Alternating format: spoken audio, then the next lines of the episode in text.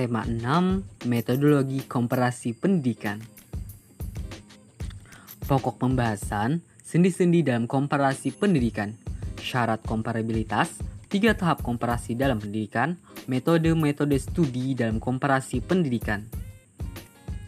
Sendi-sendi dalam komparasi pendidikan, studi pendidikan komparatif yang semula lebih bersifat praktis, practical studies, kemudian lambat laun menjadi lebih bersifat keilmuan atau scientific studies dengan menekankan penggunaan metode keilmiahan atau scientific method.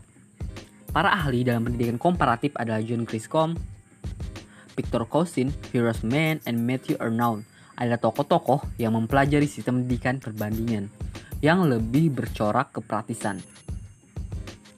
Tiga tahap komparasi pendidikan. Tahap awal, tahap ini yaitu borrowing, pada tahap ini, suatu negara dalam membangun dan memperbaiki sistem pendidikannya dilakukan dengan cara melihat sistem pendidikan negara lain yang dianggapnya lebih baik, kemudian diadopsi untuk diterapkan di negaranya sendiri. Para ahli dalam tahap ini adalah Matthew Arnold dari Inggris, Peter Cousin dari Prancis, Tosto dari QA, Domingo Sarmineto di Argentina, dan Horace Mann dan Henry Bernard di Amerika.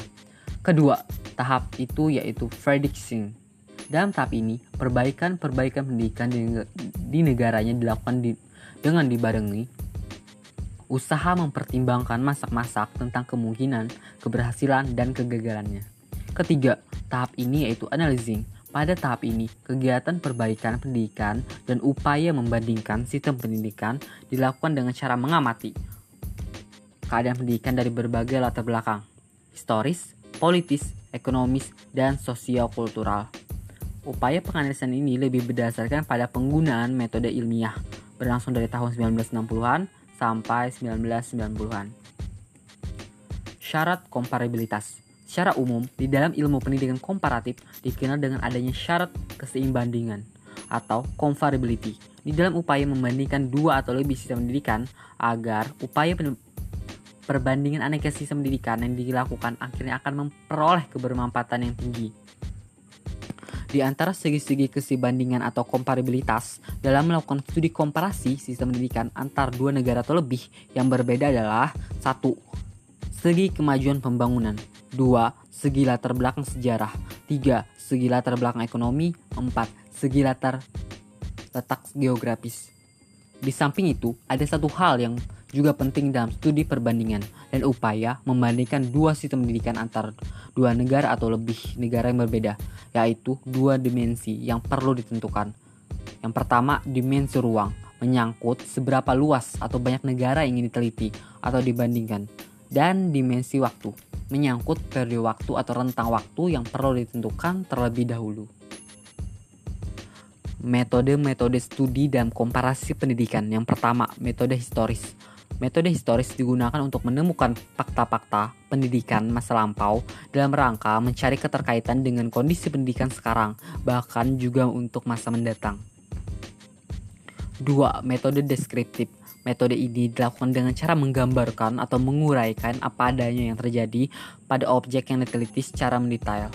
3. Metode eksperimen. Metode ini dilakukan dengan cara mengspesifikasikan objek yang diteliti melalui tindakan mengeliminasi variabel-variabel yang ada dan variabel lain. Tujuan dari metode ini adalah untuk menentukan apa yang terdapat terjadi dari percobaan-percobaan yang telah dilakukan.